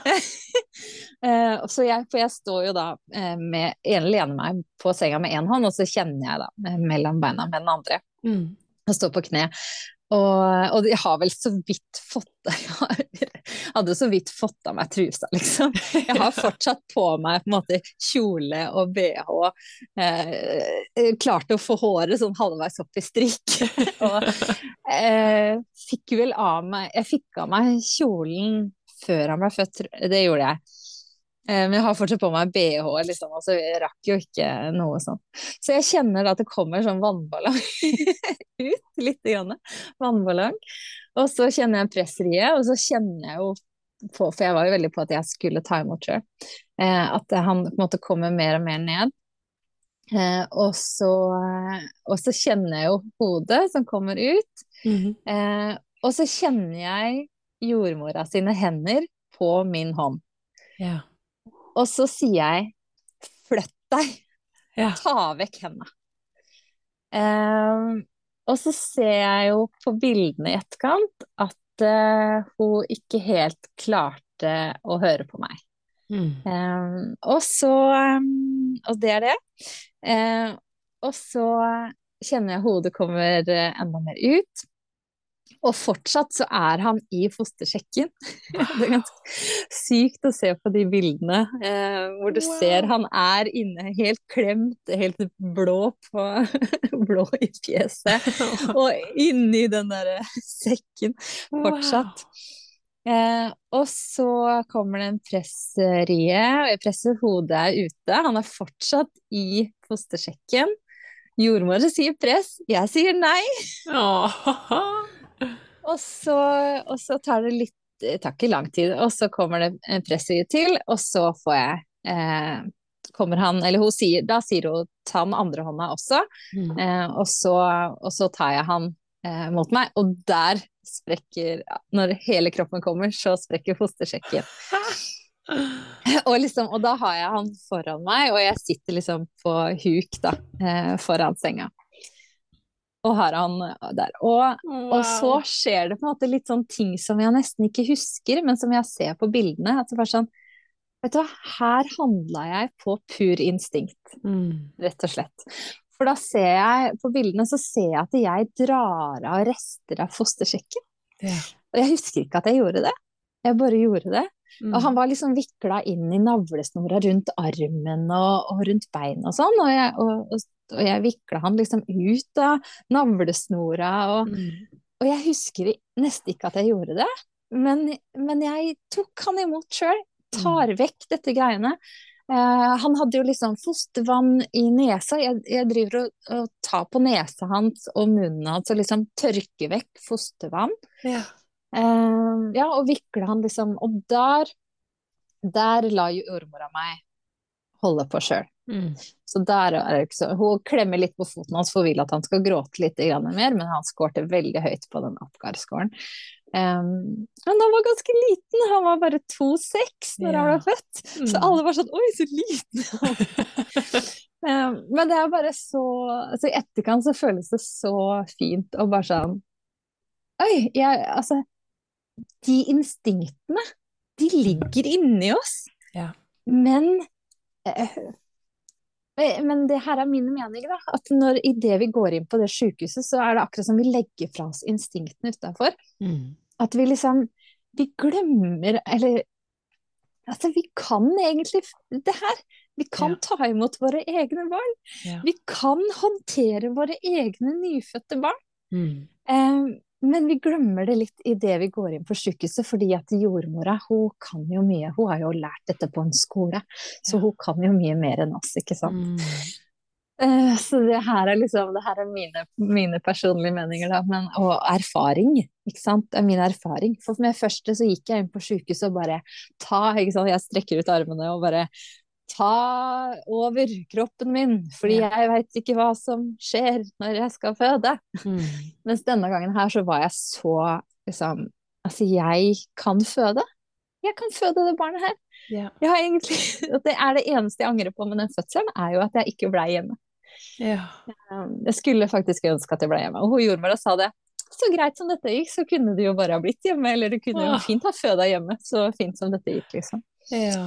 Eh, men jeg kjenner at i etterkant så Det beste kanskje eh, med fødselen også var at denne gangen så kunne jeg si ifra om ting. Jeg turte mm. å si ifra om ting. Eh, på et punkt når jeg sto der, så og folk skjønte at ok, nå kommer snart dette barnet her, så merka jeg at det var en barnepleier. Det var en jordmor som var siden av meg, og så var det en jordmor til. Og så merka jeg, og jeg vet ikke om det var enda et menneske, men jeg merka at nå er det veldig altså, Og jeg klarer på en måte å si det også. Nå er det mye stress her, sier jeg. Og jeg merka at folk De gikk veldig fort rundt mm. omkring i rommet. De bevegde seg eh, veldig fort, og jeg tror de blei stressa fordi at eh, de plutselig skjønte hvor langt jeg var i fødsel. Yeah. Men jeg klarte på en måte å si at nå blir jeg stressa, fordi at mm. dere eh, Og man Jeg tar inn veldig mye når jeg er i fødsel. Ja, det gjør det, alle. Mm. Alle gjør det. Man, ja. man, tar inn alle sinnsstemninger og, og mm. sånn. Men jeg klarte på en måte å uttrykke det og si det, at nå blir jeg stressa, fordi dere, det er så mange folk her, tror jeg jeg sa. Det er ikke mange folk her, sier de. Nei, men jeg blir stressa av dere. Mm.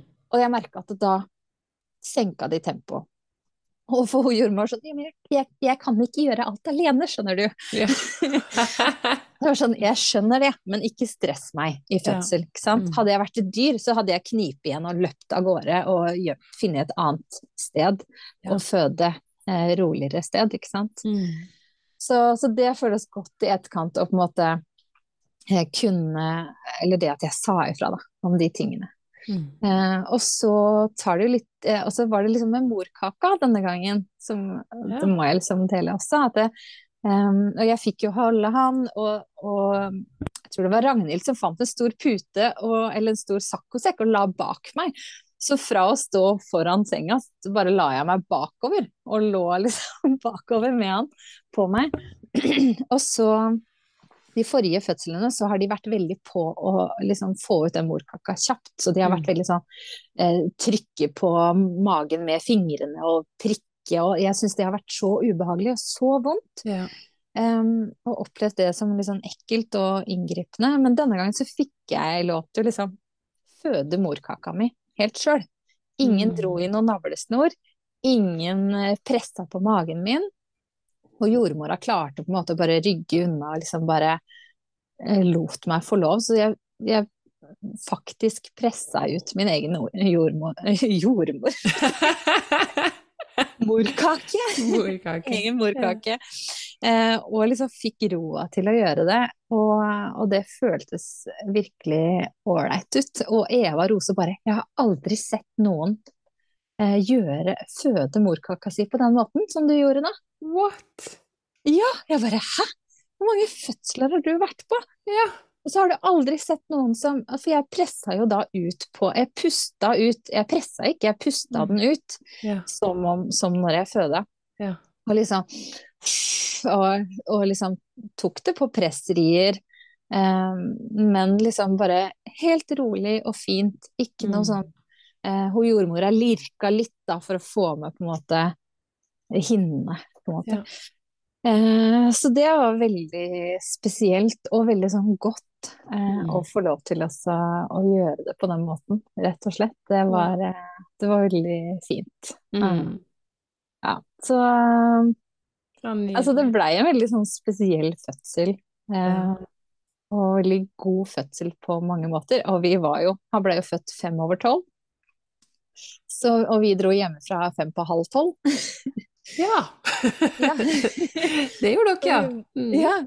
Så vi var inne på, inn på det føderommet i 20 minutter. Ja. ja. Så det skjedde mye på de 20 minuttene. Det gjorde det. Ja.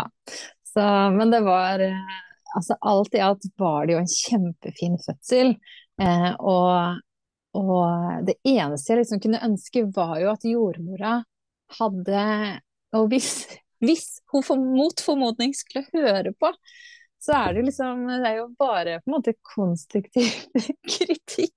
Mm. Altså når det kommer en tredjegangsfødende som veit hva hun driver med, stol på at hun kan føde barnet sitt sjøl. Ja. Eh, for det skjønner jeg jo på en måte at hun ikke hadde opplevd før, da. Eller hadde på en måte ikke eh, ja, opplevd noen som bare ville komme og føde ungen sin uten så mye innblandelse. Mm. Um, de hadde jo Nå har opplevd det òg, da. jeg tenker jo at ikke bare tredjegangsfødende, jeg tenker at alle i utgangspunktet kan mm. føde ungene sine sjøl. Det er jo ytterst ja, få absolutt. egentlig som trenger hjelp til å føde. Absolutt, absolutt. Men i hvert fall liksom eh, Ja, ja, ja. Mm. Men i hvert fall sånn, sånn, som jeg kom inn der og, og, på en måte sa nei og var veldig sånn at det bare Ok, men bare stol på For jeg snakka med henne i etterkant, og var sånn Hvorfor holdt du henda, liksom? Og så sa de jeg var redd han skulle komme som en champagnekork. Ja. Sånn, ja, men jeg har født før, jeg kjenner kroppen min. Ja. Jeg hadde kontroll på trykkinga. Ja. Jeg hadde kontroll på en, hvordan han kom ut. Jeg har mm. opplevd, kjent den følelsen før. Um, så jeg hadde kontroll ha... på at han ikke var en champagnekork. Ja, ikke sant. Men hun stolte ikke på det. Hun, altså, hun klarte ikke helt å stole på at jeg hadde kontroll. Um, så det har jeg kjent litt sånn i etterkant, at jeg ønska at hun hadde turt å bare liksom at Hun kunne holdt under. Hun hadde ikke trengt å holde på meg. Hun kunne vært i nærheten. Mm. Mm. Så nei, så, så, det er litt sånne ting som, uh, som jeg har tenkt mye på i etterkant. At uh, ja, at det skulle vært det skulle vært annerledes, det skulle sånn sånn. Mm. Og jeg veit jo også at de var ekstremt pressa den uh, helga. Eller den ja. uh, helga som jeg fødte. Det var så mange som fødte samme helga. Oi, var det fullmåne, eller? Eh, nei, faktisk ikke. Men det var veldig mange. Så, for jeg hadde jo sånn termin-snap-gruppe, så det var sånn jeg er på mm. Kalnes, jeg er på Kalnes. Så jeg var sånn, alle var på Kalnes, egentlig. Så de hadde det jo kjempetravelt. Så jeg sa det at ja, ja, det er bra noen av oss bare kommer inn og føder, og så er jeg ferdig med det, liksom. Ja, 20 minutter, smakk, smakk. Uh, så nei, så det, det Men det, alt i alt så er det jo en kjempegod fødselsopplevelse. Yeah. Eh, og liksom den følelsen av at jeg, jeg, jeg tror det er noe av det viktigste som jeg prøver å si til andre jeg kjenner som skal føde, at det liksom bare det å klare å måte si fra hva du vil eller ikke mm. vil. Mm. Bare du klarer det, så kan fødselen gå nesten hvordan som helst. Ja. Eh, for jeg tror det har liksom så mye å si på, på hvordan det føles i etterkant. Mm. Og, og jeg veit jo at Eva hun sendte meg noen bilder før jeg på en måte fikk alle bildene. Så sånn Hun hørte ikke, hun, hun var litt sånn opprørt da, over ja. at hun, jordmora ikke hørte på meg og litt sånn. Mm. Um, og, så, og så Ja, jeg også er jo det, på en måte, men, men jeg sa ifra. Ja. Jeg satte grenser på meg sjøl. Ok, mm. de blei litt tråkka over, um, men jeg satte grenser på meg sjøl. Jeg sa ifra. Når, var, når, jeg kjente på stress i rommet, så sa jeg ifra.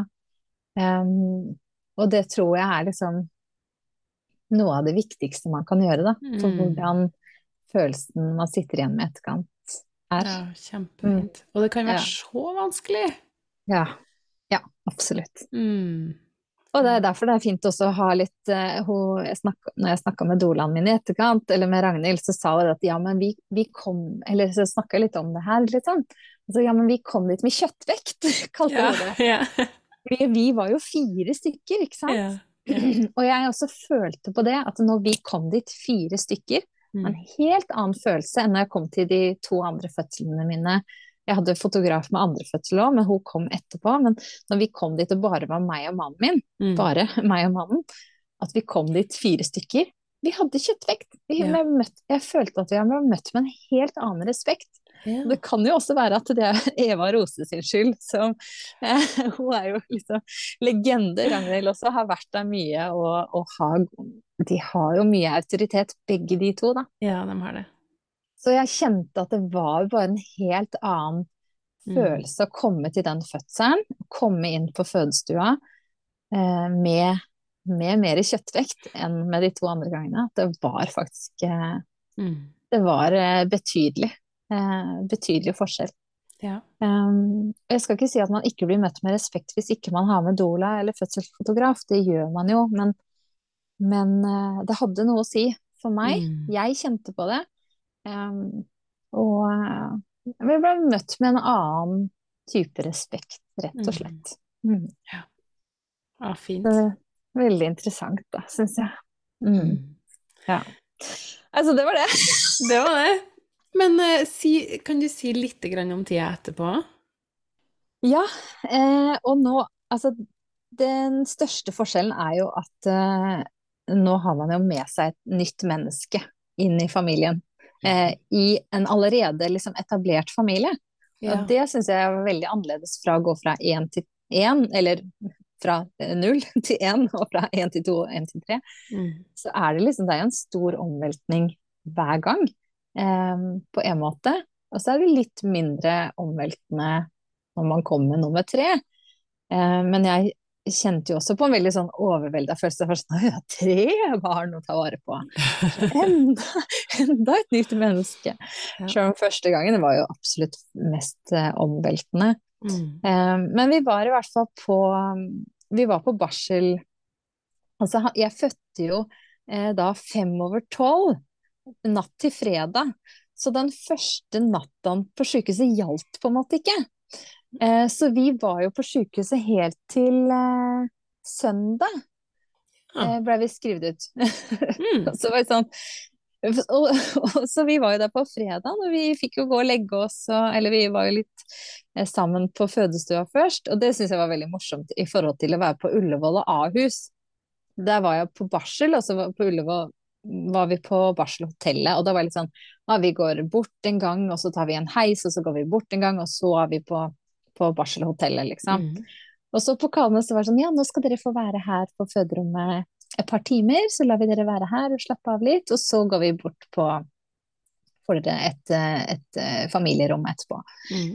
Um, så vi var sånn ok, da er vi her, og så dro Dolan og, og Eh, Eva dro Jeg sier Dolan hver gang, men ja. Ragnhild og Eva dro eh, etter hvert. Og så var vi der litt til, jeg og, og mannen min.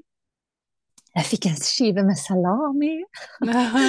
Halleluja. Det, det husker jeg du posta på Instagram. Ja. Det var det første som, som var Det var liksom det som gjorde at vi skjønte at du hadde født. Det var at du satt og spiste salami. Ja, etter ni måter uten den første. Ja. Selv om den var svett og gæren, så var den så god, altså. Det er herlighet. Eh, nei, så, så, vi var der litt, grann, og så var det sånn Ja, da kan vi gå bort på um, barselrommet eller, eller, familierommet deres. Og så var vi sånn, vi gikk ut en dør, og så gikk vi bort to dører. Og så var det sånn Her er det! Og vi bare sånn Kødder du med meg? Vi kunne jo bare gått hit i stad, egentlig. Eller sånn. Det var så komisk, fordi at vi har liksom vært vant til at ja, det er langt unna fødeavdelingen. Så var det bare sånn rett, rett borti gangen. Så det var litt morsomt. Men eh, nei, så vi var der, og jeg syns det var veldig greit. Barselopphold, egentlig. Eh, og da hadde vi jo eh, Vi hadde jo eh, besøk hjemme, holdt jeg på å si, eller barnevakt hjemme, men treåringen våkner en del på natta. Så mannen min, han, han, var hos meg den første natta som jeg hadde født, og så sov han hjemme de to andre nettene. Så jeg sov jo aleine på, på, barsel eh, på sykehuset. Ja. Og, ehm, og, jeg syns jo det var veldig greit, og det var jo tredje barnet, men det var jo fortsatt første gang du skal amme et nyfødt barn, uansett om det er første barn eller tredje barn, så er det et nytt barn. Ja. Og det er lenge siden man har amma en nyfødt. Og han var veldig liten i tillegg. Han var jo bare to-seks, ja. så han var kjempeliten. Eh, så, så, det var litt sånn annerledes. Og jeg slutta jo å amme han eh, på tre år, slutta jo å amme i svangerskapet. Så det var ikke lenge siden jeg hadde amma. Mm. Eh, det var jo bare noen måneder siden, men det er, liksom, det er jo noe helt annet når det er et nytt menneske og det er et lite nyfødt barn. Så, men det gikk veldig greit å komme i gang med amminga. Men eh, en ting jeg tenkte på når jeg var på barsel, var at jeg håper ikke at de som er førstegangsfødende, er så mye aleine som det jeg er. Eh, for det, og det, både jeg og mannen tenkte på det, det er jo Vi sitter jo bare her og ser på TV, liksom. Vi kunne jo like godt vært hjemme, for det er jo ingen som på en måte sjekker på oss om det går bra, eller og vi var jo tredjegangsfødende, så det er jo på en mm. måte greit nok. Men jeg, jeg sa det, jeg håper ikke førstegangsfødende er så mye aleine som det vi var.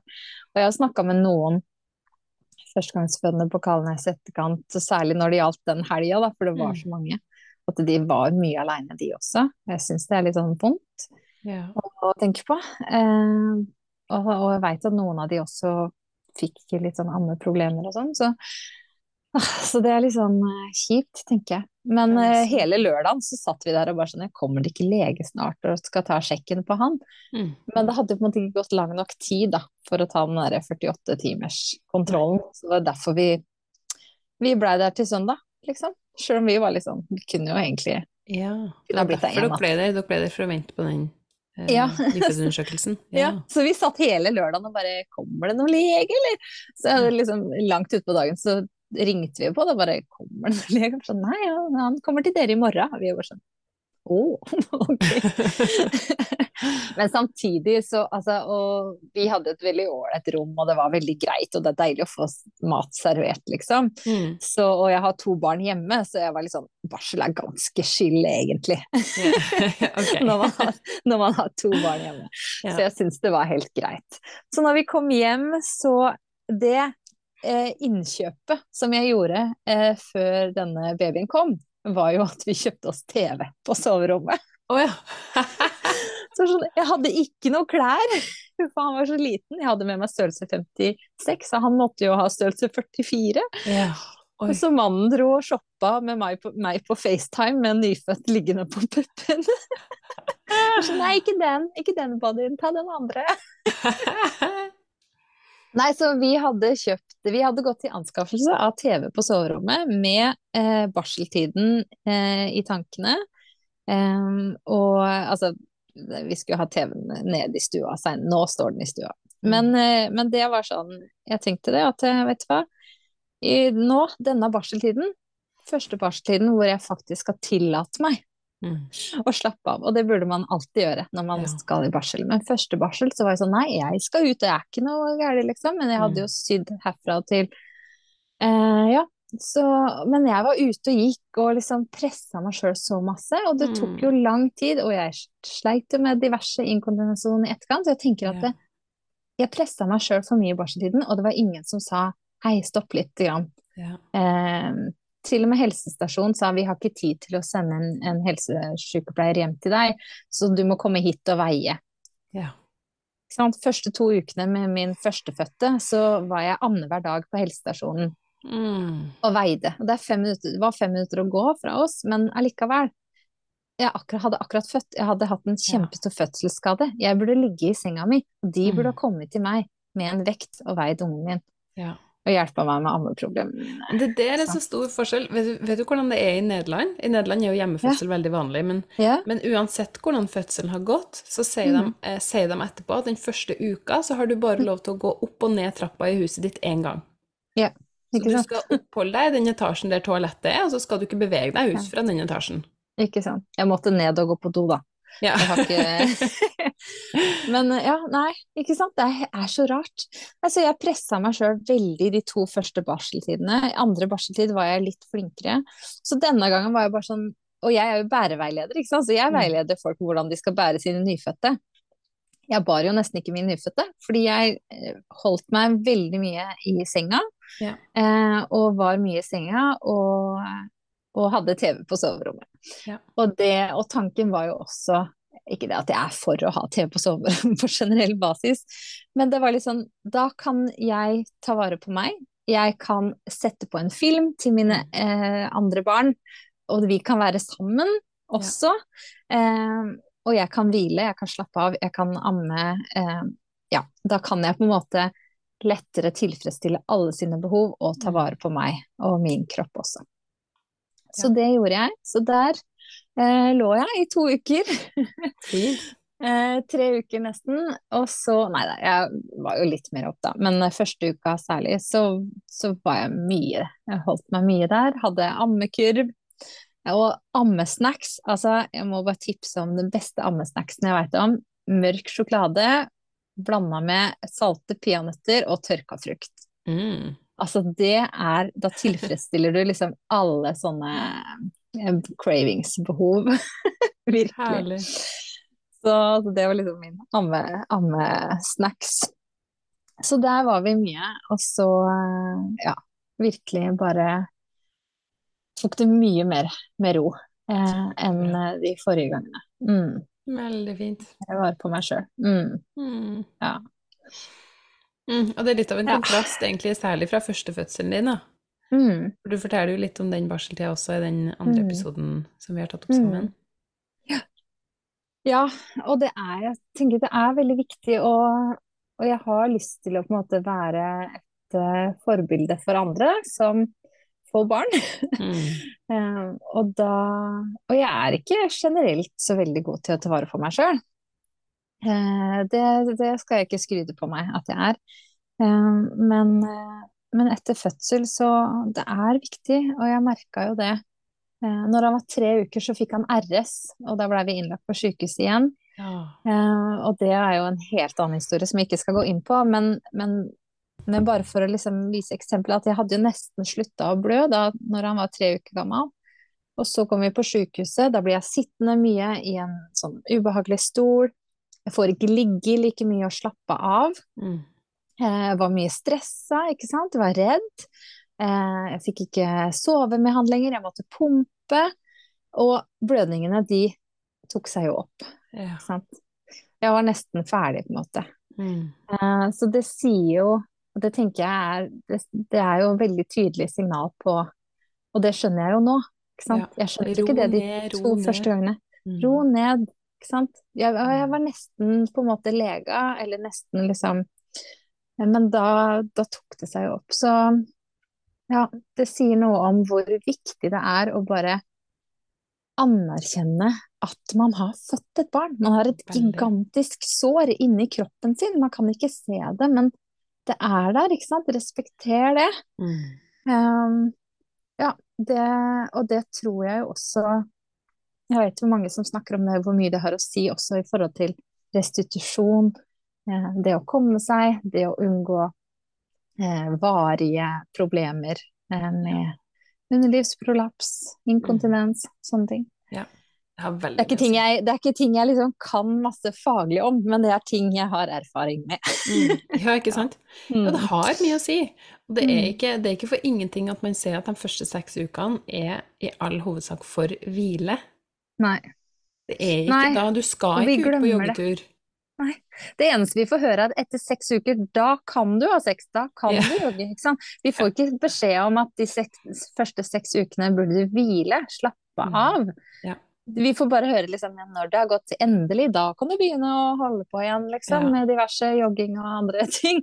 Men, men vi får liksom du, Men du må jo ikke det heller, Nei. har jeg Nei, lyst til å liksom si. Uh, ja, man må ikke jogge etter seks uker. Man må ikke ha sex etter seks uker. Man kan tatt. få lov til å bruke veldig mye lengre tid på å bli klar for de tingene. Nå føler jeg at jeg begynner å bli klar Ja, for de tingene. ikke Helt sant? ærlig. Ja. Og det er fint at du er ærlig om det, Ja. fordi det, det er ikke så mange som er det. Nei, og jeg tror altså Nå blir det en liten, bitte liten rant om det der med sex etter fødsel. Takk. Fordi jeg tror Altså, etter fødsel så har man et sår, man har blødd, og så, når det er på en måte over, så ammer man. Man har tørre slimhinner, man har ikke så mye sexlyst. Men fordi vi får høre det derre at eh, etter seks uker, da kan du ha sex. Da føler vi at vi bør ha sex. Vi Mhm. burde må ha sex. Men så tenker jeg, men kanskje vi er lagd så flott at vi ikke har lyst på det, at ikke kroppen vår er klar for det før mye lenger etterpå, for at ikke vi skal få barn for tett. Ja. Er det kanskje en mulighet for at vi har lagd så lurt? At, at vi er skapt så lurt, liksom? Er det en mulighet for at kroppen vår faktisk er ganske intelligent? Ja, er det en mulighet for at kroppen holder igjen av naturlige grunner, liksom? Mm. Ja da. Altså, folk, må, folk, må, virkelig uh, bare gjøre akkurat det som passer dem, men jeg tror at mange føler på et press på å ha sex altfor tidlig etter fødsel. Fordi at vi får høre at man kan ha sex etter seks uker. Ja. Og derfor er det også ytterst få som forteller om at de venter lenger enn seks uker, ja. fordi det er litt skambelagt, og derfor så ja. tror man at alle andre gjør det etter seks uker. Ja. Så da har jeg sagt det. Så Bra. alle som hører det, familie og sånn, takk, vær så god, bare hyggelig. Men du, etter at jeg har, jeg har snakka med ganske mange damer om mm. ganske mye intime ting, ja. og jeg må bare si at jeg tror det er eh, fåtallet som har sex etter seks uker. Sjøl om det er det som oppfattes som normen hvis man har lyst til det, så må man jo bare gjøre det. Men, eh, men, eh, la oss normalisere at man ikke må gjøre det. Og selvfølgelig, det er en viktig del av det å være sammen og sam samliv og sånn. Mm. Men hvis du har en partner som presser deg til å ha sex etter at du har født et barn før du er klar, så er ikke det Da tenker jeg man skal gå og snakke med noen og få litt hjelp til det også. Eller sånn. Ja, um, det er heller ikke sunt det er ikke et sunt forhold, tenker jeg da. Eh, heller. Og det er ikke sunt å presse seg til å ha eh, Sex er viktig for parforhold og sånn. Nå ble det her en helt annen diskusjon, men her er ja, ja. egentlig en ny podkastepisode. eh, det er kjempeviktig for parforholdet, men etter fødsel er unntakstilstand. Virkelig. Eh, mm. Og etter fødsel, det er mye lenger enn seks uker. Enig. Ja, rant ferdig. Ja, rant ferdig, takk. Ikke. Ja. Kristina, har du noe mer du har lyst til å tilføye om eh, Nei, nå tror jeg at jeg har sagt så mye, og nå må jeg gå og amme den eh, babyen som jeg fødte. Så nei, men det er veldig fint å snakke med deg, og gøy å gjøre det her litt sånn sammen. For jeg var litt ja. sånn derre eh, Jeg har jo delt en fødselshistorie liksom aleine på min podkast også, men det er noe helt annet å på en måte snakke med noen ja, eh, om det. Og veldig gøy at vi kunne liksom samkjøre, samkjøre oss litt. Enig. Veldig ja. enig. Har du lyst til ja. å fortelle mine lyttere hvor de kan finne deg? Ja, jeg heter Kristina Eng Hauge på de fleste sosiale medier. Eh, og så har jeg eh, Bærelykke og Babysnakk, som er mine, mine andre babyer utenom de jeg har født, mm. eh, som jeg jobber med. Og du finner meg på podkasten Mammafølelsen. Og der har jeg som sagt delt litt om babytegn og bæring, litt hverdagsliv og ja, diverse forskjellige ting. yeah. Kjempefint. Mm. Og du, hvem er du? Hvem er jeg? Ja. Skal bare introdusere meg litt nei, på slutten ja, det, av det, det, var, det, var, dypt. ja. ja. Nei, Hvor finner vi deg? Jeg er Dola Anette Hummel rundt omkring. På, jeg er vel mm. bare på Facebook og Instagram, egentlig. Mest på Instagram. Ja. Eh, og så har jeg jo podkasten Graviditet, fødsel og tiden etterpå. Og så min baby heter Fødebobla. Ja. Min andre baby. Jeg har også en ja. babybaby, men min andre ja. baby heter Fødebobla. Ja. ja. Og I Trondheim så fins du også fysisk, holdt jeg på å si, for de som. Eh, trenger en doula. Eller yes. Riktig. Ja. Og så er jeg på mm. anettehummel.no. Mm. Yes. Så bra. Mm. mm. Nei, men tusen takk for praten. Takk for praten. Det har vært superfint. I like måte. Ja. Veldig gøy. Vi mm. snakkes. Vi snakkes.